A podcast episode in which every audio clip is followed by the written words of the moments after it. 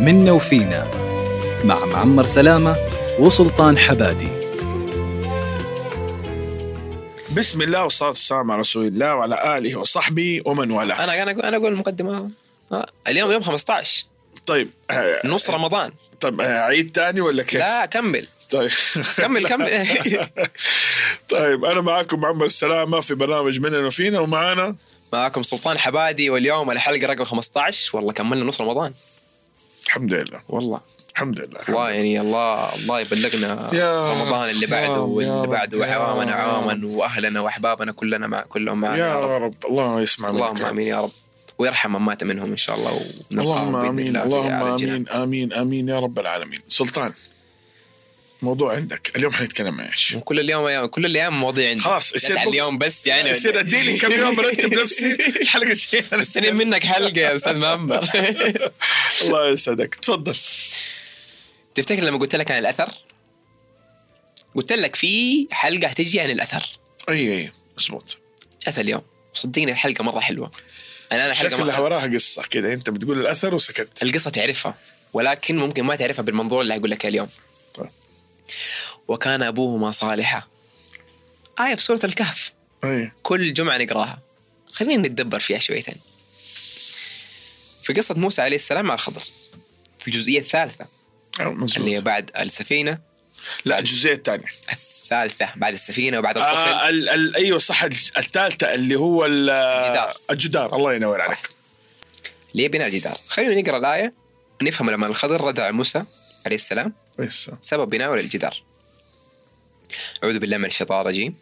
وأما الجدار فكان لغلامين يتيمين في المدينة. وبعدها وكان تحته كنز لهما.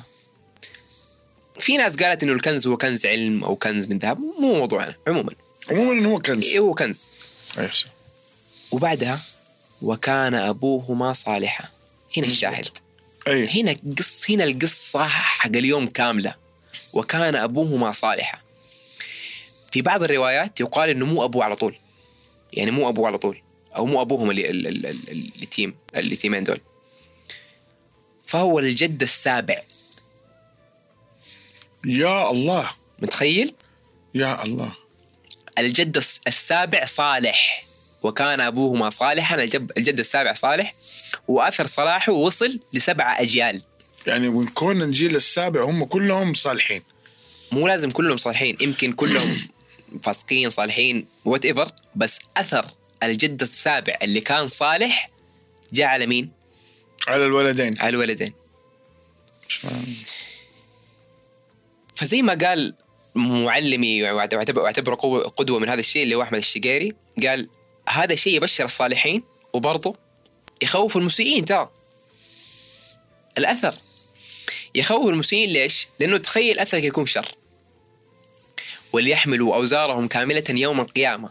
ومن أوزار الذين يضلون يضلون يضلون يضل يضلونهم بغير علم ألا ساء ما يزرون. أثرك في الحياة مو كويس. ضليت ناس وأنت ما تداري. حسب يوم القيامة رايح؟ والله جايك جايك. الله فاستاذ معمر احس لازم مو أحس. يعني احس مو أحس بس أحس فاهم؟ نراجع نفسنا وفي أعمالنا. وتأثيرنا في الناس يا أخي إذا كان شر أو خير. لأنه أثرك اللي تتركه باقي. الأثر اللي تتركه باقي. ويبان ممكن مو ممكن مو دحين ولا بكرة. ممكن بعد أجيال وأجيال. وربنا ما يضيع حاجة. خلينا نعطي مثال لحياتنا اليومية. عشان إيش؟ نسهل الموضوع. شخص يكذب على أولاده. وأولاده ممكن يتعلموا هذا الشيء ويكذبوا على أولادهم. وجيل ورا جيل. والسبب مين؟ الابو أنت. بس. أيوه بغير الاساس علم أيوه. أو تحس إن الموضوع صغير وحتشوف هذا الأثر ترى في الآخر حتشوفه. بس تخيل تكون أنت الحلقة الفاصلة إذا قلنا مثلا جدك يكذب على أبوك وأبوك يكذب عليك بس أنت تكون إنسان صادق. صحيح. قول وفعل. والصدق هذا تكون يكون يكون مع أولادك. والأثر هذا أتغير وصار أولادك صادقين واجيال وأجيال. فهذا حتشوف الأثر فين؟ في الدنيا والآخرة. فإيش أحسن برأيك؟ إيش أحسن برأيك؟ فالأثر اللي مهما تقدمه مو ضايع. ابدا ابدا أبداً. وكان ابوهما صالحا فنحن نعيش مع سايكل. نحن نحن نعيش في دوامة مع ناس. فعلك يأثر بس مو لازم أثره يبان لك. ولكن تيقن إنه لن يضيع. من القصص اللي عجبتني جدا. واحد قال لي هي آه كنت أستغرب إنه اخش المسجد وأروح معاه مثلا المسجد نصلي يكون برا عندنا شغلة أو شيء. اخش المسجد يصلي. الله ألاقيه بعد الصلاة يعدي على واحد يهمس في اذنه أنا عارف إنه ما هو من نفس المنطقة. والاقي الثاني يسلم عليه وهذا ويمشي. أتذكر الموقف مرة اثنين ثلاثة. صار عنده حب فضول. ما بعرف هو إيش بيسوي. فقال لي شوف أنا حكيت قصة أنا إيش بقول للرجال أنا أقول له أدعي لي وأنا أدعي لك. okay. أدعي لي وأنا وأنا أدعي لك. أدعي لي وأنا أدعي لك. okay الرجال يهمس في في أيوه أدعي لي وأنا أدعي لك. أدعي لي وأنا أدعي لك لك. أيوة. قلت له لا قال لي هذه قصة أحكيك هي أنا يقول لي جدي كان دائما يأخذني حثا على الصلاة ونصلي دائما مع بعض. في المسجد. فكنت دائما اشوفه يجي كل مرة بعد الصلاة يختار واحد ما عمري شفته ما عمره كان في المسجد ما يتكرر رجال ويجي عند ابنه ويقول له الكلمة دي. مرة بعد الصلاة لواحد ثاني الثالث ورابع. سبحان الله ما تعرف أيهم أقرب مكان عند الله سبحانه وتعالى. وادعي لك ربنا يغفر لي ربنا يغفر لك ربنا يغفر لك أنت. ربنا يرحمك ربنا يرحمك سبحان الله نرجع للقصة اللي فاتت أو اللي قبلها اللي حق آه. البنت الزانية. أي شوف- شوف كيف.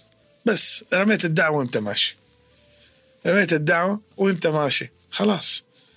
هذا إيش اللي يصير؟ أنت خلاص تعود نفسك. أثرك. أيوه. ما أنا يوم من الأيام كنت جالس واحد قال لي كده. آه تشوف ربنا مسهل لك ظروف في الدنيا ولا تتخيلها. يعني في قصة بحو أقولها بس إن شاء الله الح- الحلقة الجاية لأنه الوقت مرة ضيق. وبنهي معاك على الأسف لأنه لازم نبدأ فيها إن شاء الله الحلقة الحلقة الجاية. إيه، لأنه أنا حاسك إنه تشويقة هذه. لا جدا تشويقة. لأن أنت قلت لي لك دور فأنا ححكيك أخيرا أخواني أخواتي هذه كانت الحلقة 15 إن شاء الله تكونوا استفدتوا. وإن شاء الله بإذن الله يكون لها نفع ليكم جميعا. معكم معمر سلامة. معكم سلطان حبادي. برنامج تذكروا من- وكان إيه، أبوهما صالحا. بالضبط برنامج مننا, مننا وفينا. مع السلامة. نخاف مقدم بامان الله